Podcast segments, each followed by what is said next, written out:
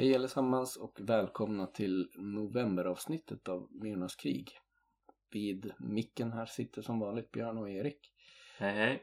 Och eh, för den här månaden hade vi tänkt eh, ta ett litet nytt resmål i jorden runt-resa men inte så långt den här gången. Vi ska bara över gränsen till Norge och snacka lite om norsk skräckfilm. Ja, och lika kort som avståndet till Norge så kommer avsnittet bli kort.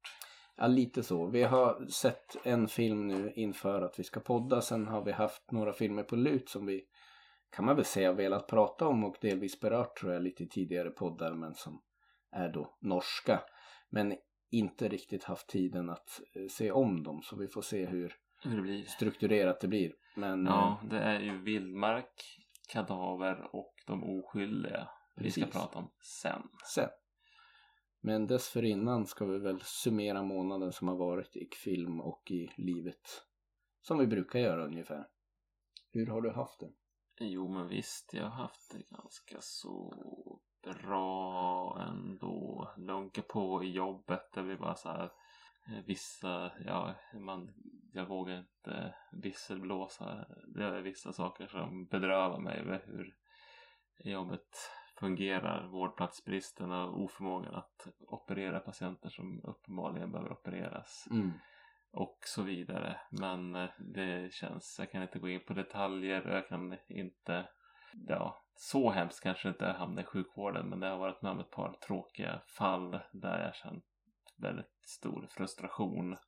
Där patienter har farit väldigt illa på grund av att vi inte lyckas uppbåda de resurserna som behövs samtidigt som vi har en, vi borde ha de resurserna.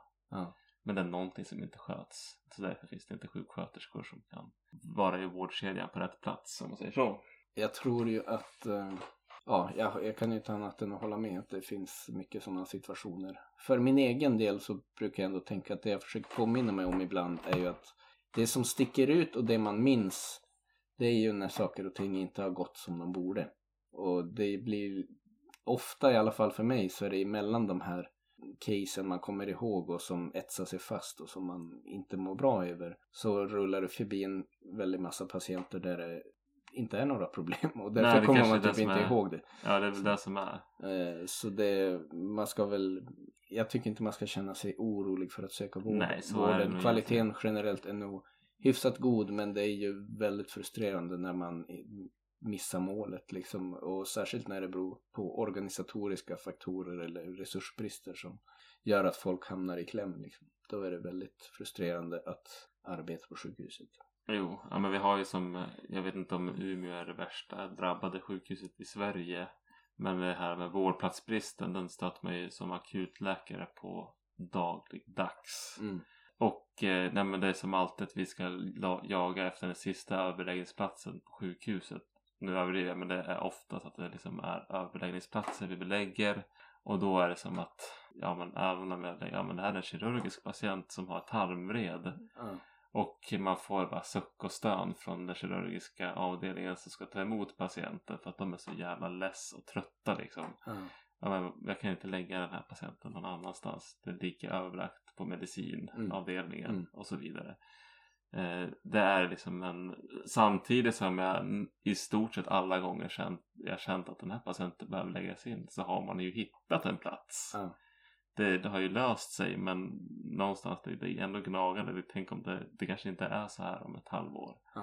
Eh, Men eh, ja, samtidigt är det en bra jobbvecka bakom mig. Det är liksom lyckades där man hade så här fyra gröna pluttar öppna på medicinsk mava. Ja. Eh, Och, och, och så får man en benlös patient som inte kan skickas hem men det inte är så mycket annat med. Nej, precis. Så jag bara, ja men vi kan lägga in honom här. Och sen så fick jag höra att ja men han får åka till geriatriken imorgon. Ja. Plötsligt så händer det, kors i taget. Men eh, så det är ju både och. Men det, jag ska kanske inte, ja det finns många saker som inte fungerar med vården. Men jag tror att eh, de som jobbar i vården och själva maskinen. Man gör så, vi gör ju så gott vi kan. Mm. Och det gör ju att vården fungerar ju fortfarande. Men det, som arbetar inom vården så är det mycket som är dysfunktionellt. Ja, det är mycket snack nu på arbetsplatsen om de här nya arbetstidslagstiftningen. Jag har sett att det har blött ut lite i nationell media också när man har pratat om det. Men där de har kommit med nya bestämmelser om dygnsvila hit och dit som i teorin ska ju vara positivt för personal men många upplever det som en inskränkning mot eh, liksom, ens förmåga att, eller ens möjlighet att styra över sitt eget schema. Så man kommer bli mycket mer styrd i hur man får lägga sitt schema. Och jag tror för oss går det väl säkert men jag tror vissa verksamheter som ligger lite mer eländigt till de kommer ha väldigt svårt att uppnå de här kriterierna. De har ju liksom levt på sådana här 24 timmars pass som mer eller mindre kommer bli förbjudna nu för att folk pendlar väldigt långa distanser för att arbeta på vissa ställen i inlandet och så. Ja, man jobbar kanske flera dygn i sträck för att sen kunna vara ledig ganska länge och då kanske man eh, och då kanske det funkar att jobba 20 mil ifrån sitt hem. Ja. Och eh, ja, men om man inte har bett om det måste, alltså jag tycker det på ett sätt är bra att man har reglerat men i sådana fall ska man ju använda det för att ha det som någon sorts hävstång för att få fram en bra deal liksom. Ja. Inte för att, nej men nu får vi inte göra så här längre för det kommer ju ställa till det. Mm. Det är ungefär, ja, kanske inte riktigt lika dumt som när man typ bestämmer att så här, ja men alla med invandrare, inte alla invandrare men många invandrare som inte tjänar under, ö, över en viss summa. Nu, nu måste ni åka hem. Då Ja. försvinner typ i, i en jätteviktig eh, ko, vad heter? Eh, arbetskraftsstyrka från vården i ett svep bara för att man har bestämt sig för att Det är så märklig, det, det, jag man fattar inte hur de till det. Man slår undan benen på saker. 27 och ett halvt eller vad tusan de hade satt som någon sorts nedre gräns. Men jag kände bara, fan när jag var nyexad sköterska var det typ 21 som bjöds. Nu kanske en nyexad sköterska tjänar ungefär 27 men vad fan. Ja men är det här liksom... är Ingen det här, undersköterska tjänar ju typ 27 och ett halvt om man inte har jobbat aslänge. Ja men så, betyder det här då om man nu bestämmer att det ska vara en, en, en rimlig inkomst eller vad fan det är. Nej det är inte exakt så det är. För om man nu säger att det där är det som krävs för att man ska kunna försörja sig själv. Då ska ju typ all, då ska ju det bli den nya minimilönen i Sverige Ja. i praktiken. Exakt. I, i, i sådana fall. Det kan ju inte vara så att vi har sådana som arbetar fullt ut i, i samhällsviktiga branscher. Men Ska bli utkastade för att liksom. de har för låg lön av samhället. Och de Ja. är utkastade av samhället. Det är så jävla vansinnigt så det finns inte. Men nu måste vi reela in våra Ja, ja just det. här. Vi, Det är ju en filmpodd här. man, kan ju, man kan ju åka till Norge och jobba. Man kan åka till Norge och jobba, Vilken precis. bra segway. här. Ja. Ja, ja, men ska vi hoppa in på vildmark då? Från- Ja, jag tänkte säga innan vi hoppar på Vildmark. Har du hunnit se något Ja annat i just månaden? jävlar. Ja men det enda jag har sett i skräckväg jag har jag har, är eh, som jag kan minnas på rak arm det är någon, jag såg på HBO Max en film som heter The Banished Mm. eh, som utspelar sig eh, kring andra världskriget eller om det är mellankrigstiden. Mm. Och det handlar om ett så här, prästfamilj som ska flytta in i ett hus. Och så händer det lite spöklika saker och ditt och datt och så. Ja, den, det var som någonstans i det, ja men jag ska se, den är ju en brittisk skräckis. Tänkte jag, eller om den var irländsk. Men eh, den var riktigt blek. Eh, alltså när man känner att så här, ja men det fanns vissa, det fanns några element som var ganska bra. Det fanns några, liksom en setting. Jag gillar settingen att de är på någon herrgård i mellankrigstiden eller om det var i under andra världskriget den tiden. Mm. Men det var någonting de gjorde med, det blev som bara en ganska blodfattig eh, klichéfest till slut. Tyvärr. tråkigt. Jag har ju en svag punkt för en bra spökhusrulle. Liksom. Det, det kan man ändå sälja in ganska lätt till mig. Men man vart ju inte så sugen när man hörde din beskrivning. Nej, det är inget man behöver se. Jag, det var inte helt bortkastad tid men det var ju enbart för att jag tänkte att nu fick jag lite content. Mm. Ja men lite sådär. Jag har faktiskt lyckats beta av några filmer i veckan. Det har gått bättre över förväntning med nattningarna. Så att man har haft tid att klämma in någon film efter att eh, dottern har somnat. Så jag har sett The Tank. Eller Tank. Dålig film. Det var lite så här eh, creature feature. Några som flyttar ut också i någon typ övergiven herrgård på vischan som de har fått i något skumt arv. Nu är vi någonstans, jag vill säga Alaska eller det är liksom amerikansk, nordamerikansk vildmark någonstans så visar det sig att det är något djur som bor under huset. Det liksom den som de har ärvt av hade övergivit huset av oklar anledning kan man väl säga. Sen Nu var det, flyttade det dit. klarnar under det filmens klarnar gång. under filmens gång. Ja. Varför hon hade flyttat därifrån och aldrig berättat för hennes son om att hon ägde den här herrgården typ. Så den var, ja det var väl, egentligen vet jag inte vad jag hade förväntat mig. Den var ganska rak i sin trailer, man fattade vad det skulle handla om och det handlade om det jag trodde att det skulle handla om. Men ja, jag gick väl in med lågställda förväntningar och de införlivades, så kan man säga. Så det var OK knappt. Ja, knappt OK, precis. Det var väl där förväntningarna var ställda ungefär. Sen tog jag lite inspiration från vår förra podd då. eh, Om Vincent Price. När det omnämndes att det skulle komma ut en remake på The Fall of the House of Usher. Borde jag se den? Kanske, jag skulle säga, det är ju, nu tappar jag hans namn igen, det är min stora killes. Mike Flanagan. Mike Flanagan. Som har gjort eh, The Haunting on Hill House och uh, Bly Manor också va? Jo, Dr. Sleep och Midnight Mass och Ja. han eh, Jag skulle vilja säga att det känns igen. Han är produktiv och det känns Produktiv. snar. Mm.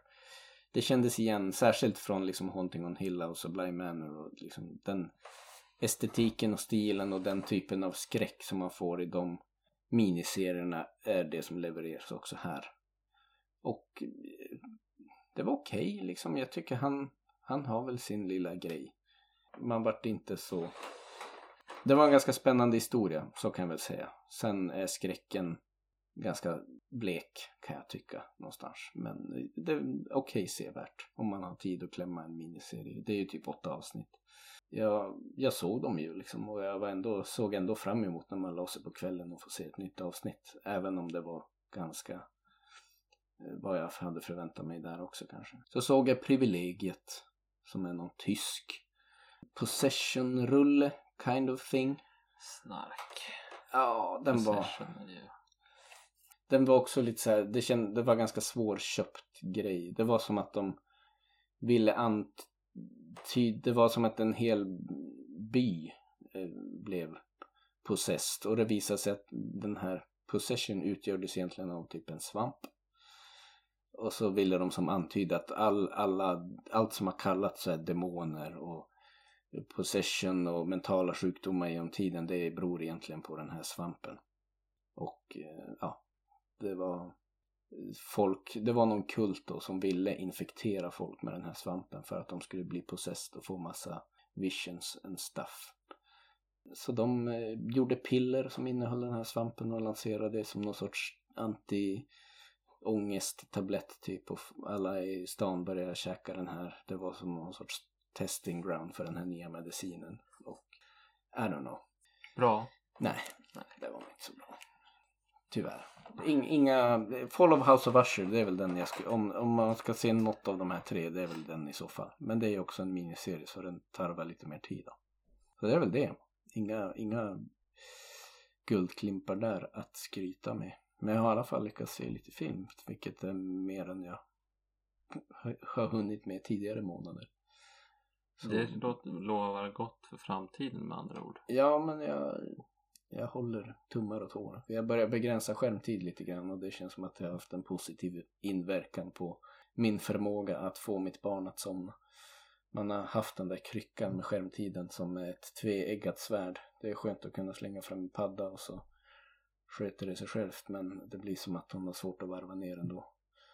Så nu, har vi, nu blir det mer att man får mer aktivt lägga, vet, ligga och läsa böcker och grejer men då kan hon somna lite bättre oftare och man får lite mer tid, fritid efter nattningen och titta på en film till exempel.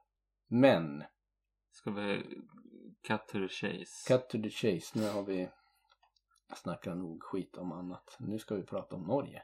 Ja, och- nu pratar vi om Norge. Nu, det var en längre väg till Norge än vad jag Ja, tänkte. precis. Nu tar vi oss över gränsen och den första filmen i kronologisk ordning då som vi ska prata om för kvällen är alltså Vildmark.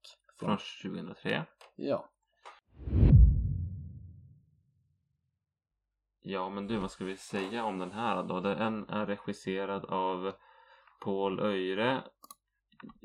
Känner väl igen några ansikten, framförallt Eva Röse som eh, jag min första bekantskap med henne var väl Disneyklubben på 90-talet. Ja.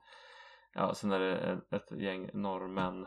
Jag kan väl dra en synopsis. Det är eh, Gunnar som ska Ja, han är någon sorts tv-producent som ska få ihop ett team. Så då drar de till hans eh, en sorts koja i skogen eh, för teambuilding. Det visar sig att det är väl hans eh, ja, men en, en sorts stuga som han var mycket i under sin uppväxt. Mm. Och eh, så börjar det hända dåliga saker, mystiska saker.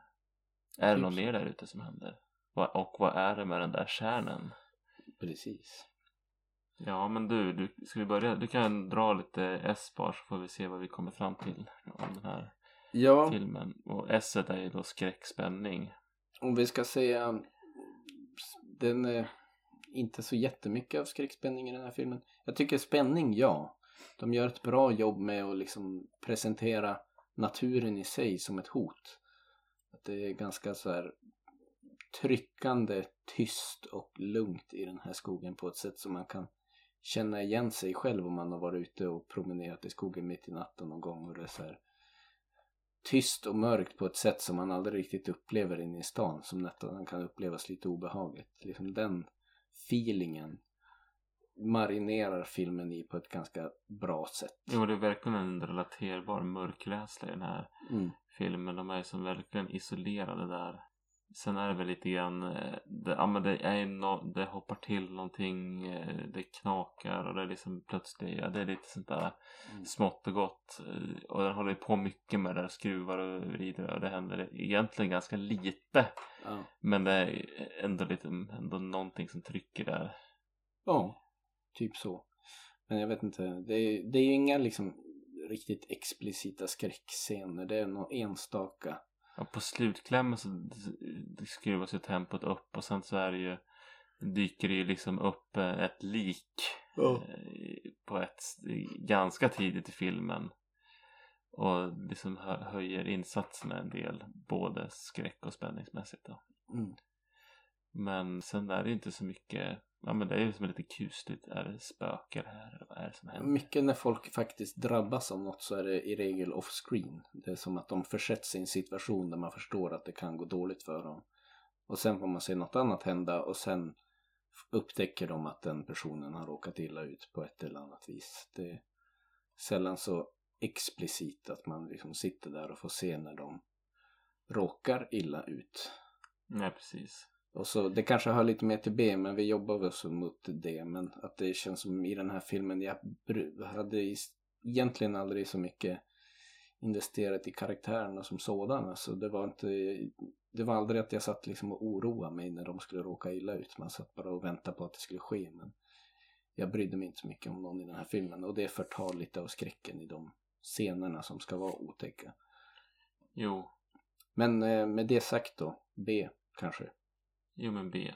Jag tycker den Det finns någonting Ja men de är i en stuga i skogen Det kan eh, och det, Man behöver inte krångla till det så himla mycket kan jag känna Men här tycker jag att Det finns De har skapat sig plottproblem Som de löser med idiot plot Mm.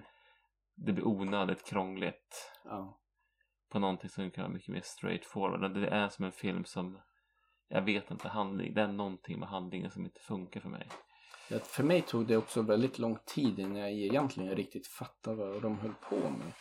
Det är som någon liten introduktionsscen när man introducerar det här teamet då som ska ut i skogen. De provfilmar eller någonting. Ja. Så det börjar, man tror ju först nästan att det ska vara en fan footage-film och så är det inte det. Nej, men det, och den här pr- producenten då, Gunnar, som är ju väldigt otrevlig och liksom osympatisk och märklig som person. Och folk bara ställer upp på en massa av hans galenskap på ett sätt som känns helt orimligt. Sen vart det går så förstår man väl att det är liksom det är något jobb som hänger i balansen här och de är alla väldigt ja det är väl tydligen då ett väldigt attraktivt och välbetalt jobb och därför är folk liksom beredda att gå den här lite extra milen för att liksom blidka den här väldigt excentriska skumma personen med hans konstiga liksom, regler. Det är ju han som har satt upp alla de här reglerna att de får inte ha med sig några telefoner och de ska inte gå tillbaks till bilen och de ska minsann klara sig utan mat och vatten och kunna leva av landet och hej och Men allt vad det lider och det blir som uppenbart att de på riktigt hamnar i trubbel så känns det som att okej okay, men gå ut ur skogen då. Men de ändå liksom stannar kvar och låter han hållas.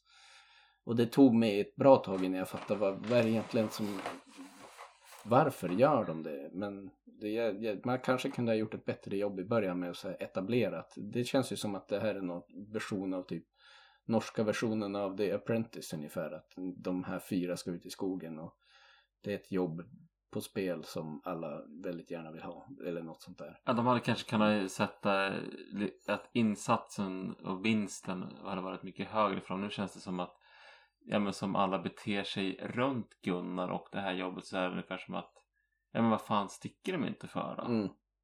Det är verkligen, nej men de, de skulle ha gjort något annat. Sen så är det, ja så det, det är ju liksom varför lämnar de inte faran? Det, det är ju uppenbarligen inte så himla långt. Nej. Och, och de gör det... det på dumma tillfällen och när de väl bestämmer sig för att göra det då splittrar ja. de upp sig såklart och de gör det mitt i natten. Ja. För att ställa till det extra mycket.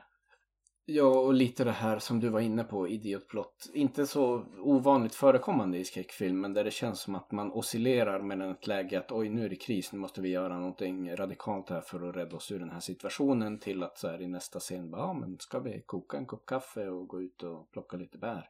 Att de som ändras, stämningen skiftar väldigt mycket under jo, filmens gång på ett sätt som känns helt orimligt.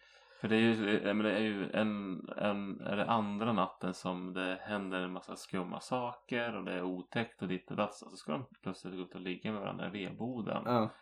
Och, och, och, den, den grejen förstår jag inte ens vad, vad, vad gör den för den filmen framåt. Det var som att vi måste få med en sexscen här. Men det var som, som du säger väldigt så här bajsnödigt. De har varit en natt där Gunnar, den här personen, beter sig väldigt märkligt. Han ska hugga liksom, ner ett träd. Han ska hugga ner ett träd mitt i natten och är som helt besatt och springer runt där med en yxa. Och alla är skiträdda och bara shit vi måste dra härifrån, det här är inte värt det. Och sen bara ja men fan, vi drar ut och har lite sex typ. Helt random.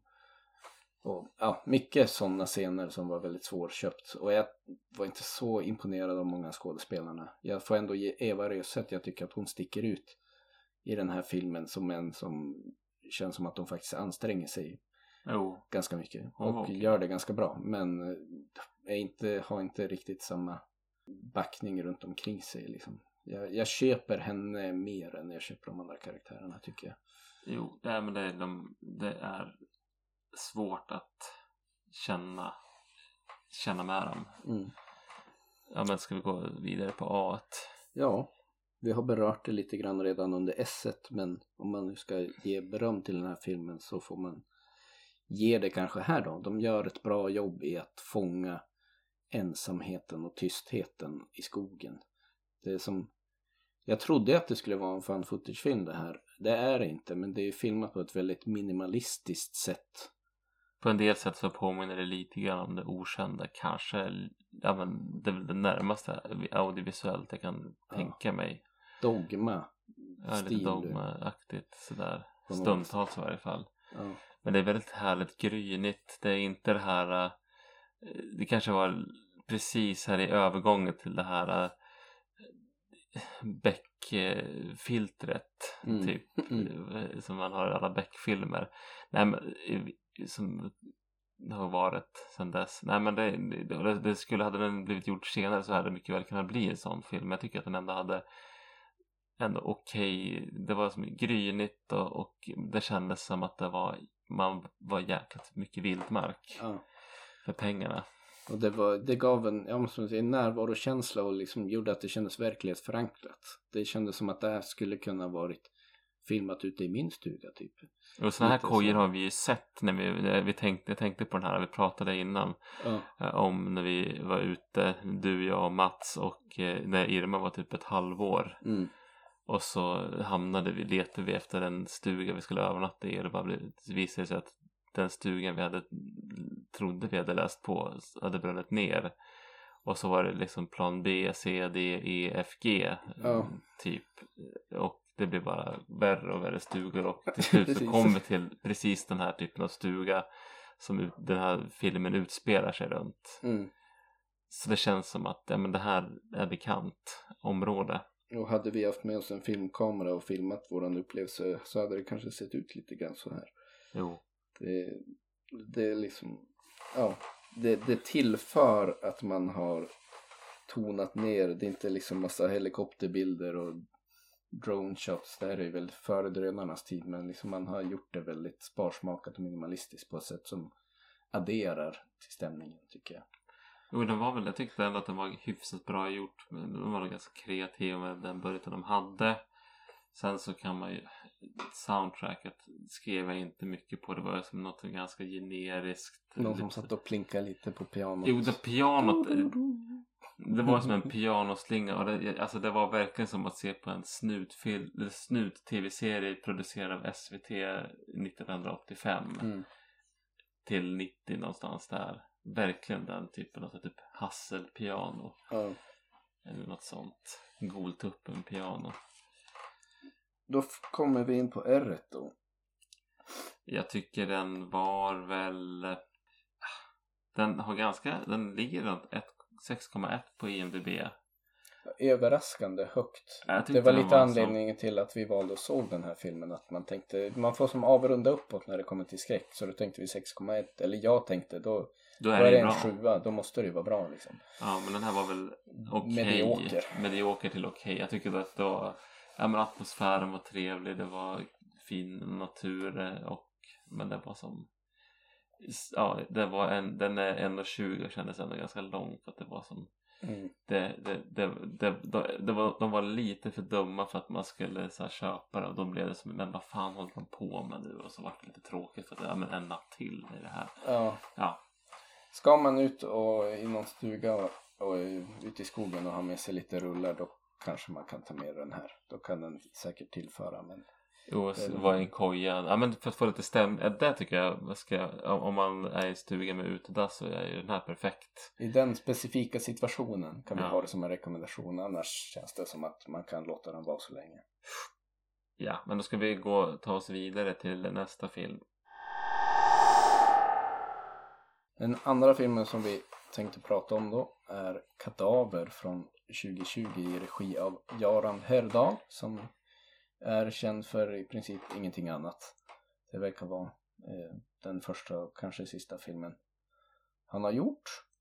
Men eh, plotten för Kadaver då, vi befinner oss i ett postapokalyptiskt Norge efter någon sorts nukleär katastrof. Där eh, en familj som kämpar sig fram med ett, en man och en kvinna och ett litet barn i en väldigt hård miljö där man inte kan lita på någon. Det finns inte mat till någon. Folk dödas åt höger och vänster på gatan för triviala ting. Och man försöker hitta och sova i övergivna hus på natten och bara överleva. Det är liksom en, en kamp för överlevnad i ett postapokalyptiskt nuclear winter Norge-grej. Och i allt det här då så blir de inbjudna till teater på ett hotell av någon excentrisk snubbe som verkar klara sig mycket bättre än många andra gör i den här miljön. De bjuds in till teater och festmåltid av oklar anledning får man väl säga. Ehm, och eh, den här teatern visade sig då vara liksom en någon sorts live-variant där de ska röra sig fritt runt på hotellet och så finns det skådespelare runt på hotellet som ska och de får liksom gå fritt runt i hotellet och ut, utforska och upptäcka som någon sorts ja, barnet i filmen heter ju Alice och han, kall, han som driver teatern kallar det för sitt Wonderland så att det är väl lite så här anspelar lite på Alice i Underlandet. Så de bjuds in där, sprids ut i hotellet, alla gästerna som har bjudits in till den här teatern och så börjar folk försvinna under mystiska omständigheter. Och så, ja, där är vi väl ungefär. så ska vi väl göra något försök till någon S-par kanske. Men som sagt, Utan att spoila för mycket. utan att spoila för mycket och så hör det till saken. Jag, jag skummade igenom den här filmen lite igår. Jag hade ju, vi har ju båda sett den för ett tag sedan. Sen kände vi att ja, men den kan vara värd att snacka om. Men, eh, men jag orkade inte riktigt se om den så koncentrerat. Och du orkade inte se om den alls tror jag. Nej. För våran samlade hållning, och vi kommer väl dit, är väl att det är ingen, det är ingen toppenfilm det här. Men om vi börjar med S då. Vad har vi? Ja men det är ju så att de är ju på det här uh, hotell, alltså för jag tycker den här postapokalypsgrejen tycker jag inte tillför så mycket till skräcken. Nej, det är väldigt random att de är i ett postapokalyptiskt nukleär winter Norge. Det har som ingenting med saken att göra. Det är bara en väldigt väl utarbetad värld som man, man placerar oss i men som sen inte tillför någonting till filmen. Eller den är ju inte så väl, alltså det är ju en, en idé, en, en värld om vi gör ett världsbygge. Ja men det, det där är- hör i och för sig till B, vi kan ta det sen. Mm. Eh, Så, men eh, ja, alltså skräckmässigt är det väl Ja vad fan är det som är otäckt i den här? De, är, de, de befinner sig på den här eh, tillställningen och hotas av att bli mördade Ja. i stort sett. Och Det är ju en del exploitation horror i den här fast ändå ganska nedtonat. Ja. Men det är liksom, vi rör oss i hostel-territoriet. Om man nu ska jämföra det med något. Det är liksom den typen av skräck. Men det är kanske inte lika utstuderat och utdraget som en del av de här filmerna. Där det förekommer den typen av liksom exploitation-skräck men det är ju relativt nedtonat. Det här är betydligt sämre skulle jag säga. Ja. Eh, Utan att säga att jag tycker, nu vet jag inte vad jag ska säga att Hostel är fantastiskt men se hellre det om du vill ha den här typen av otäckt. Mm. Ja, vi hoppar vidare på B för jag kommer inte ihåg att det var så mycket mer S-mässigt om inte du har någon direkt. Nej, tyvärr. Och B, ja men det, B, det är ju här liksom hela skiten faller. Det var som att jag var tvungen att skumma igenom den igen för jag minns att jag verkligen hade en sur bismak efter att ha sett den här filmen. Men jag kunde inte riktigt komma ihåg vad som störde mig så mycket. Men Ska vi börja med den här postapokalyps-idén? För jag tycker den är verkligen, där känns det som vad fan krånglar man till det för att göra det här till en postapokalyps-historia? Man har en värld, eller man vill bygga upp en stor värld, man klarar inte av världsbygget för fem öre. Jag tycker att det, det, det känns mer som när man, det är, när man typ hittar på någon så här vad fan heter det bland dieselråttor och murmelmunkar Ja. den här julkalendern och allting är så här eh, datoranimerat. Alltså det, att det, det, jo, det märks ju också att det inte Att man- kanske är man- världens jag- största budget. Så att de rör sig ju egentligen i ett väldigt litet område. eh, Som lite förtar känslan. Och sen är det ju som sagt i vart filmen tar vägen sen. Så det har ju som inte riktigt något med saken att göra. Antingen är det så här att han ville göra en postapokalypsfilm men hade ingen aning om vad han skulle skriva om och så skrev han något annat. Eller så var det som att de valde den mest omständiga och osannolika sättet att få de här man skulle ju ha någon anledning till varför de här människorna ställer upp och går på den här myskoteatern. Och så är det som att de har tagit det mest krångliga och osannolika sättet att få folk till den här teatern. För de blir som inbjudna då eller köper biljetter till den här teatern. Och så är det på grund av att de är så desperata efter att få mat och grejer som de bara, ja men det här, om det ingår gratis mat då är det ju värt det liksom. eller, ja, för det kanske är just att man ska gå igenom den här resan som de går igenom.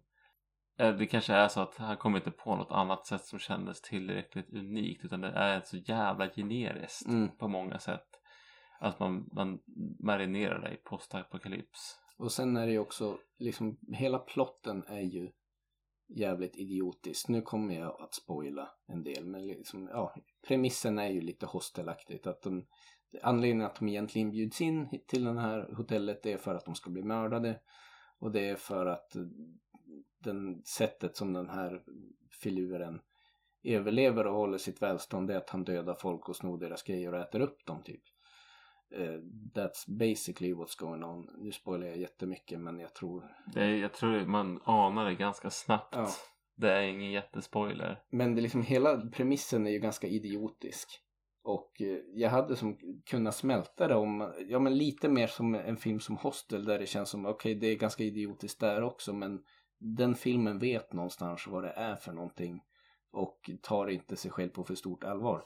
Hela tonen och allting i den här filmen är ju som gravallvarligt hela tiden. Och, och, den, sig själv... och den har ingenting att säga. Nej, det är som att han trodde att han skrev världens mest liksom finurliga film men det är bara idiotiskt. Och hade de spelat det som liksom, det här är en dum exploitation-rulle och haft lite kul med det och det hade varit liksom lite mer en und av komedi i det då hade det som kanske gått lite lättare att smälta men nu är det som att ja, han trodde han gjorde sjunde inseglet ungefär. Det är liksom på den nivån av pretentiös liksom filmskapande som pågår här i en film som egentligen känns som att det är väldigt simpel dum plott.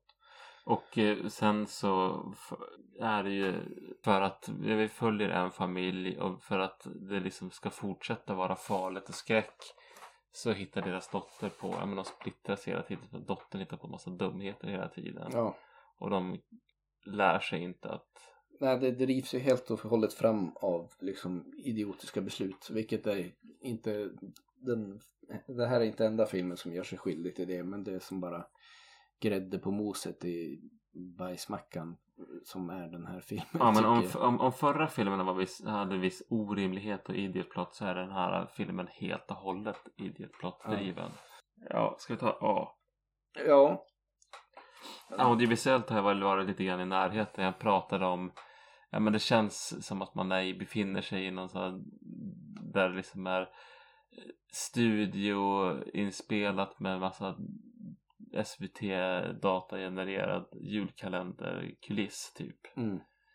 Och nej, det blir verkligen inte trevligt att titta på.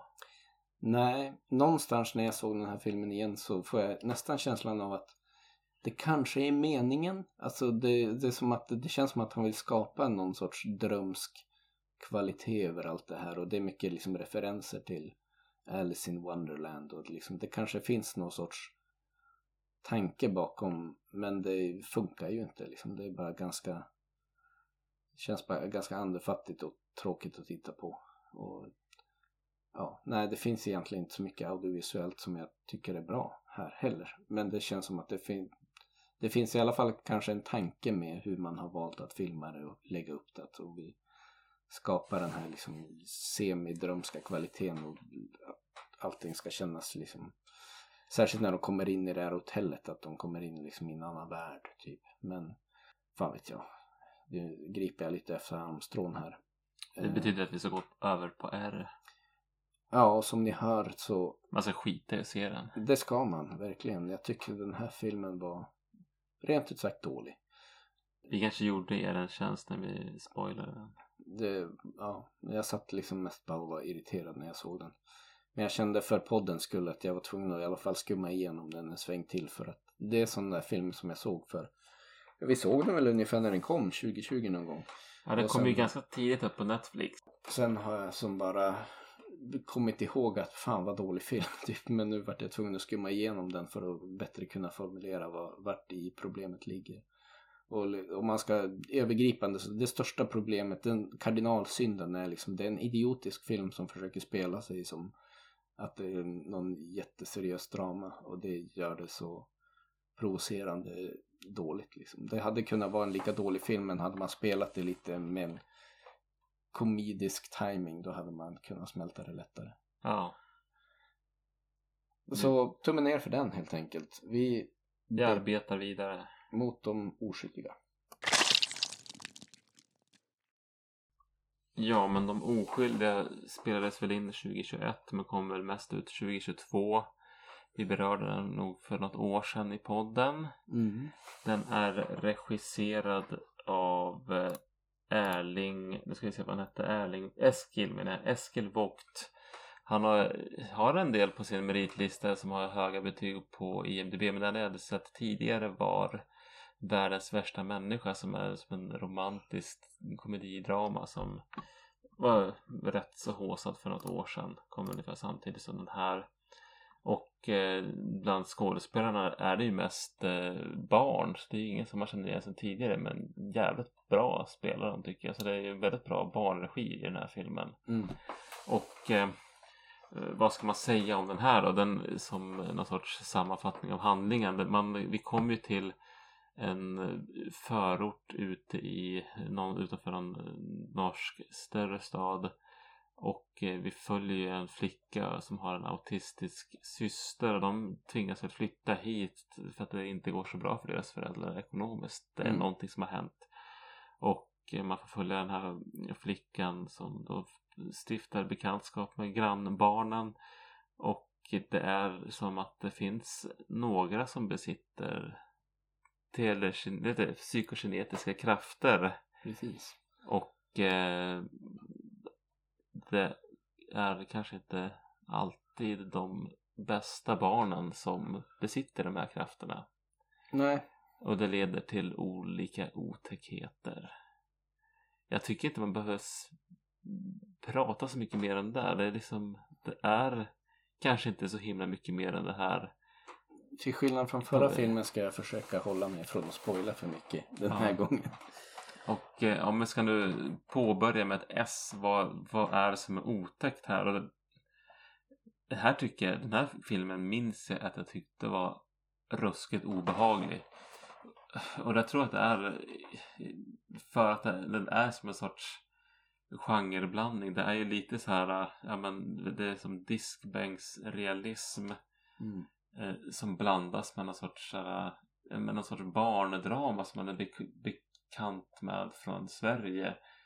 Men en touch med skräck som dyker upp Ja, men det känns också som att... kryper in under skenet för det händer jävligt otäcka våldsamma saker med Ja. Just att det är så realistiskt och så verklighetsnära. Där man liksom bryter av med det här riktigt otäcka som händer. Och så är det som igenkänningsfaktorn tycker jag är ganska hög. Den Där- gör nog, jag tänkte på det också när inför att det som Vi vill gärna, och det anspelar väl titeln på The Innocence, eller de oskyldiga. Att man vill se barn som de här väldigt oskyldiga varelserna. Och det är de väl i viss mån, men de har ju också en... De kan ju vara jävligt elaka och vad händer när liksom sådana här barn som kanske inte är Guds bästa barn också liksom blir beväpnade inom citationstecken med krafter som gör att de också kan åsamka otrolig skada. Jag kommer ihåg när jag växte upp så fanns det en Låt oss kalla honom Marcus för jag tror det var så han hette. Eh, I, nej men han var med i min brorsas fotbollslag. Mm. Och det, var- alltså, det var någonting som inte stämde med den här personen. Alltså han var ju redan som typ åttaåring jävligt obehaglig. Mm. Alltså han slog mig jättehårt Mm. utan provokation. Och såg ju han var ju på alla möjliga. Och det, även så här, senare hamnade vi på samma högstadieskola så han var ju riktigt otäck. Mm. Och jag känner att det, det liksom han skulle kunna vara det här barnet i filmen Mm. som inte är så bra som ja, men det, den typ som drar bort vingarna på en levande skata liksom. Ja, Den men typen. lite sådana, jag har inte erfarit någon som Marcus, men lite grann den grejen liksom. Folk som kokade grodor och, och plågade djur och man kände bara fan det här känns inte bra. Men liksom, och de kanske inte är, det är inte onda barn per se men man kanske inte, liksom, man förstår, man har inte det här konsekvenstänket. Man förstår men- liksom inte hur ödesdigra grejer man gör. Ja men det är som att det, att det liksom det är, ja men de är inte, alltså det, vad, vad är ondska? Men vad, vad är skyldig, vad gör en skyldig? Men det är som att, ja, och det kanske är det där de diskuterar den här filmen, men att, att det blir som, ja men det, viss, ja men psykopater och allt de där som saknar empati, då liksom, då, då kan man bara göra så att man känner ingenting Mm, när man gör det här. mm. Ja, nåväl. Alltså, det, är, det är svårt att sätta fingret på det men obehagligt det är det. Ja, och även med huvudrollen som i någon mån är god och genomgår ju en karaktärsomvandling. Men hon är ju otroligt elak eh, tidvis mot sin autistiska syster. Ja, hon stoppar väl glasbitar i skorna på Ja. henne. Nej men det Som också är så här otroligt obehagligt och där man känner att det här är liksom, sånt här skit kan ändå hända. Så, och släng in liksom lite psykokinetiska krafter i mixen där de har liksom potential att göra verklig skada. Och samtidigt kunna distansera sig lite från det på ett sätt där det är som att jag gjorde det inte riktigt liksom. Då, då kan det få ödesdigra konsekvenser. Eh, Ja. ja. Otäckt. Och bra. B. B. B, nu är det B. Ja, det, vi, har, inne berör på det. Det är ju som jättebra skådespeleri här. Det, på, jag tycker barnen är jäkligt trovärdiga. Fantastiskt. Genomgående också. Alltså det är ju flera barn, eller flera, fyra barn är det väl. Det är två kompisar på gården och eh, systern och hennes autistiska storasyster eller vad det är. Men Ja. alla spelar väldigt bra. Det är väl liksom ovanligt tycker jag ändå att man ser barn, alltså eller filmer med barn i fokus där man lyckas så här bra. Det kräver nog mycket av barnen men också som regissör att kunna få till det och skriva det liksom, så att det känns realistiskt. Jag tycker det är väldigt vanligt annars att man ser så här lillvuxna i filmer. Där barnskådespelarna i sig kanske är bra men det märks att de är regisserade och det är, en, det är en vuxen som har skrivit manus liksom. Ja, här känns det verkligen som en som verkligen förstår hur barn funkar. Jag tycker det känns verkligen som att jag bara, det, är så här det är att vara barn. Ja. Jag helt plötsligt minns, får jag växa alltså, barnminnen till liv. Mm.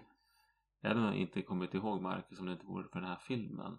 Det är liksom det här magiska tänkandet på något vis som de här barnen har som man lyckas fånga. Där man, jag tycker vanligt annars i filmer är att det blir som sagt det är ofta lite så här lillgamla barn. De beter sig mer som en vuxen för att det är en vuxen som har regisserat och skrivit deras plott eller skrivit deras lines liksom. Den här Vogt som han heter då får man väl säga har gjort ett väldigt bra jobb i att eh, regissera de här barnen och hitta väldigt talangfulla skådespelare som eh, ja, det är, det är riktigt, riktigt bra genomgående skådespeleriet i filmen och även de vuxna kan jag tycka liksom, och deras liksom oförmåga att bemöta det här på ett sätt som man kan känna igen sig i själv som förälder tycker jag nu med barn kan ju hitta på tokiga grejer om det är svårt att veta riktigt hur man ska bemöta det när det är som att de, de lever ju lite i en annan tankevärld. Jo, plus att eh, man, man, man har ju också placerat föräldrarna på rätt plats,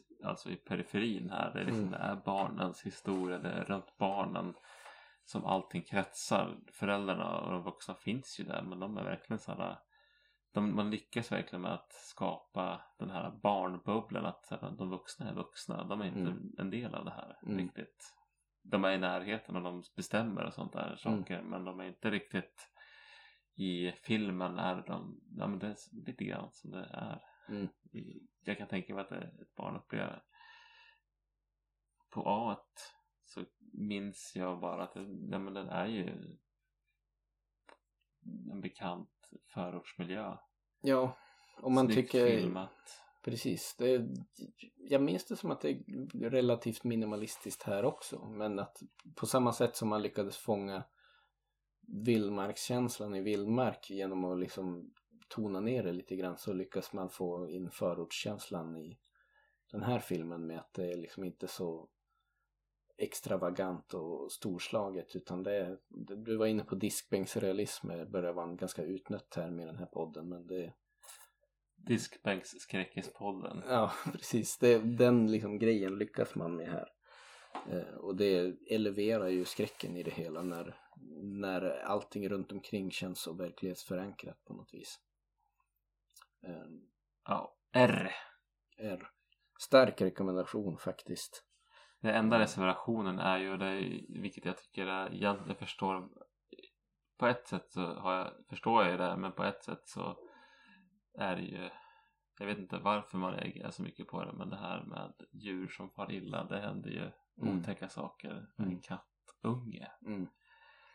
Så där tycker man att sånt är obehagligt eh, kontra men man tål att se barn och människor lemlästas. Då ska man akta sig för den här och fundera på varför tycker vi att det är okej att man dödar människor men Ja. inte djur.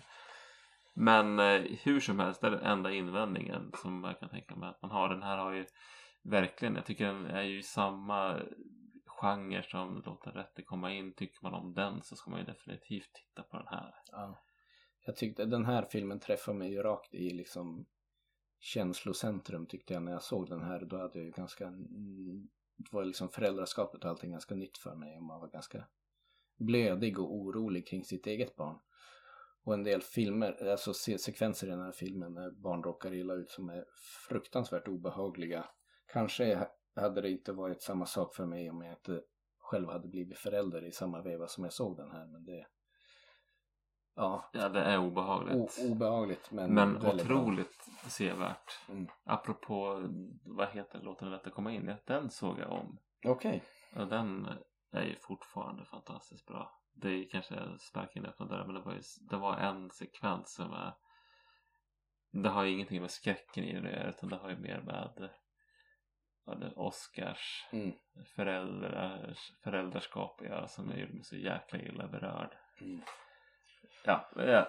Besides the point. Vi Besides får the återkomma till den en annan gång. Men ja. med det kanske vi ska av, avrunda våran jorden runt-resa för den här gången. Jo, vi, vi har ju som inte Norge är ju ett ganska fan mycket, så mycket bättre skräckfilmsland än Sverige. Ja. när jag tänker efter. Vi har ju som Sverige har ju besökarna förstås och låt den rätte komma in och eh, konferensen kommer ju nu och den är ju bra. Sen är det som ganska glest mellan gångerna. Det är, som man, det är mycket att man missar målet och liksom får inte till det riktigt.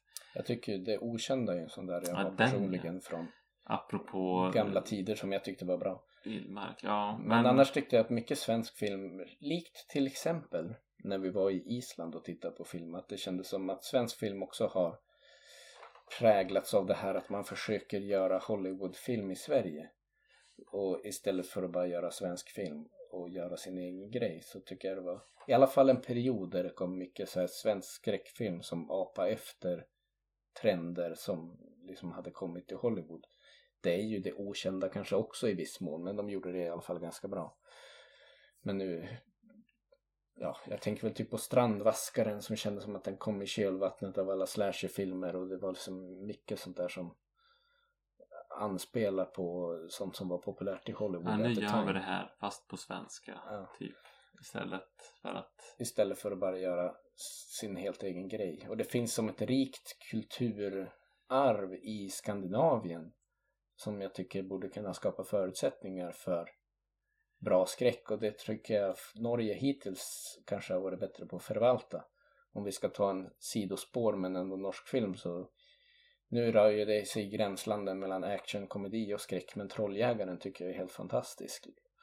Den är en jättetrevlig film och eh, Jo, och Död snö är väl också lite grann att man tar tillvara på sin historia. mm, Eh, sen tycker jag ju nu, om vi bortser från kulturarv, men som ändå tar en jäkligt norsk företeelse med att åka till sin stuga.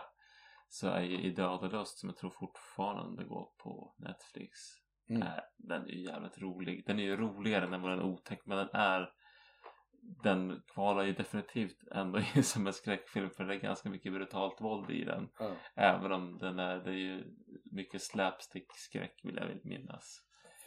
Stark rekommendation på den. Nej men jag kan, eh, man, man kan ju liksom eh, Ja, sen har vi som Vildmark är väl okej. Sen så finns ju den här Fritt Vilt ska ju tydligen vara bra. Och så med uppföljare. Alltså det ju, känns det som att det finns en helt annan en helt annan produktion där. Mm. Eh, Och eh, ja, medans i Sverige så är det typ som att ibland så klämmer vi oss ur en liten hård harklutt medan de får ri- riktiga skithögar av Ja. bra skräck. Liksom. Ja. ja, jag försöker komma på bra skräckfilmer från Sverige här men jag... En sån där som jag minns gjorde mig otroligt besviken var ju Vittra. Då var vi åter inne på kulturarven men när man bor här uppe så är det ändå sånt som snackas om med Vittra i skogen och tänkte vara intressant man gör en film som baseras liksom på Vittra-mytologin. De så här mytologiska små varelser som är ute i skogen och ställer till med bekymmer för folk. Typ. Men så var det som bara, det var ju bara en titel och sen var det typ Evil Dead ungefär fast i Sverige. Och så bara valde de att kalla det för Vittra för att ja, sådana idioter som jag skulle bli intresserade kanske och tänka att här är något unikt svenskt liksom som vi ska göra skräck på. Men... Nåväl, vi får besöka Sverige någon gång kanske. Jo, vi var i Sverige 88 för att göra besökarna. Ja. Nu får vi ta Sverige någon mer genomgående. Kanske försöka kurera fram liksom ett bra urval. Sveriges topp tre eller liksom något sånt där. Jo, men jag känner ändå lite mer hopp för Sverige. Det, är, alltså, det har ju fan kommit ganska mycket svensk skräckfilm den senaste... Vi fick, först fick vi konferensen Mm. som jag tyckte, om inte du har sett den så ska du se den. Okej. Den var rolig Mm. och en, en, nog ändå, det måste jag säga, den bästa svenska slashern. Mm. Den är ganska bra skådisar. Sen har vi nu tror jag bara de som har kommit ihåg Cancel, det verkar vara en skitfilm. Mm. Och sen den här Lisebergs-filmen, vad heter den? Karusell. Ja. Jag tycker, jag säger inte att det är bra filmer, det låter som skräp Karusell och Cancel, men jag tycker ändå om att det dyker upp svensk skräckfilm på bio. Det, jag önskar bara att det kunde komma lite med kvalle så man kunde känna att ja, men det här är ju värt att se. Mm. Ja men absolut. Men det får bli en framtida podd. Ja, och nästa avsnitt så kommer vi alltså inte vara i Sverige på ett jorden runt avsnitt utan då kommer det att bli någon sorts eh, julmys med lite glugg eller äggtoddy och Black Christmas eller något annat mysigt om inte vi kommer på något bättre. Ja, Nu sa jag det bara för att ha det sagt men det kanske blir någon, någon julrulle i alla fall. ja, någonting med där det är någon rödklädd eh, tomte som mördar eller någon, någon som känns mysigt och juligt. Ja. Så får vi väl knyta ihop säcken 2023 och eh, summera vårat poddår på den vänster. Typ så. Vi pratade lite grann om man skulle liksom summera året i film men problemet är att Jag har sett en skräckfilm på bio som, det, ja, det är två filmer jag har sett från i år som, ja, det är Konferensen och Talk to me. Det ja, det, blir liksom lite, det blir mer rimligt att vi summerar vårat filmår och så får någon annan podd fokusera på vara mer aktuell. Vi jobbar vidare med att vara sist på bollen i vanlig ordning. Ja, vi kan ju fan inte hålla på. Jag ska se typ en, jag skulle behöva se typ en film om dagen till vi spelar in nästa gång. Ja. Det blir, det blir väl någon, någon avrundning av poddåret och eh, kombinerat med lite julmys och en hopp, förhoppningsvis hittar vi någon riktigt julig skräckis att förkovra oss i. Så det är det vi har att se fram emot i december. Och om vi inte hinner höras av innan dess så får vi väl önska god jul och på återseende. God natt. God natt.